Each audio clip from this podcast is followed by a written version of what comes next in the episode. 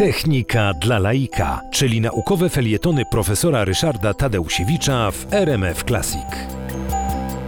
Thomas Alva Edison był człowiekiem przedsiębiorczym. Wynajdował rozmaite rzeczy, żartował nawet, że przynajmniej raz w tygodniu musi dokonać jakiegoś ważnego odkrycia, a takie pomniejsze wynalazki to, to kilka razy dziennie. Oczywiście była to przechwałka, ale jeżeli spojrzymy na liczby, no to Edison miał trochę racji, mianowicie w USA opatentował 1093 różne urządzenia, 1093 patenty jednego człowieka. Natomiast w innych krajach jego patenty, zresztą będące w większości kopiami tych patentów amerykańskich, osiągnęły liczbę 1239, więc był to człowiek, który był niezwykle przedsiębiorczy, twórczy, ale jednocześnie co wymyślił, to natychmiast patentował i wykorzystywał. W ten sposób powstało mnóstwo rzeczy, które wiążą się w tej chwili z nazwiskiem Edisona, pierwsze, pierwsze żarówki, pierwsze elektrownie, e, pierwsze urządzenie rejestrujące dźwięki i mnóstwo innych rzeczy, ale Edison czasem nie doceniał wartości swoich własnych wynalazków. W 1880 roku e, Edison, będąc bardzo sprawnym konstruktorem, zbudował bardzo sprawny silnik prądu stałego.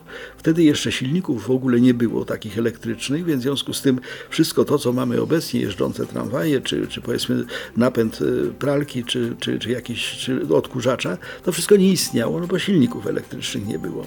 Edison zbudował taki silnik, był to silnik bardzo sprawny i co więcej bardzo maleńki. 2,5 na 4 cm to była taka maleńka rurka de facto.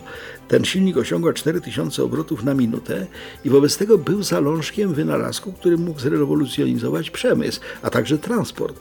Bo Edison był o krok od tego, żeby być tym, który no, uzbroi ludzi e, w silniki elektryczne, a tym samym w napędy elektryczne. Tymczasem Edison nie, nie, nie wyobrażał sobie, jak może ten silnik wykorzystać i wykorzystał go tylko do tego, żeby było to napęd takiego specjalnego pióra.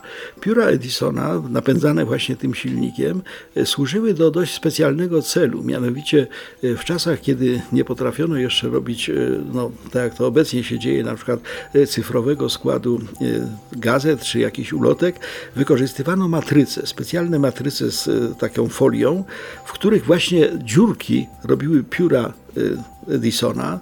Sprzedano tych piór w samych Stanach Zjednoczonych 60 tysięcy i rozmaitego rodzaju ogłoszenia, na przykład to, co widzimy na westernach, te ogłoszenia, że poszukiwany jest jakiś tam bandyta, wanted, prawda, i, i, i pokazana jakaś tam twarz, to było tworzone w ten sposób, że piórem Edisona, mówię 60 tysięcy tych piór wyprodukowano, e, dziurkowano te matryce, no potem na powielaczu to powielano, no i w ten sposób e, powstawały plakaty, w ten sposób powstawały różne obwieszczenia, ogłoszenia i tak. Natomiast Edison, będąc geniuszem wykorzystania swoich wynalazków, nie wymyślił, że taki troszkę większy silnik to jednak mógłby się przydać, chociażby po to, żeby mieć elektryczny samochód.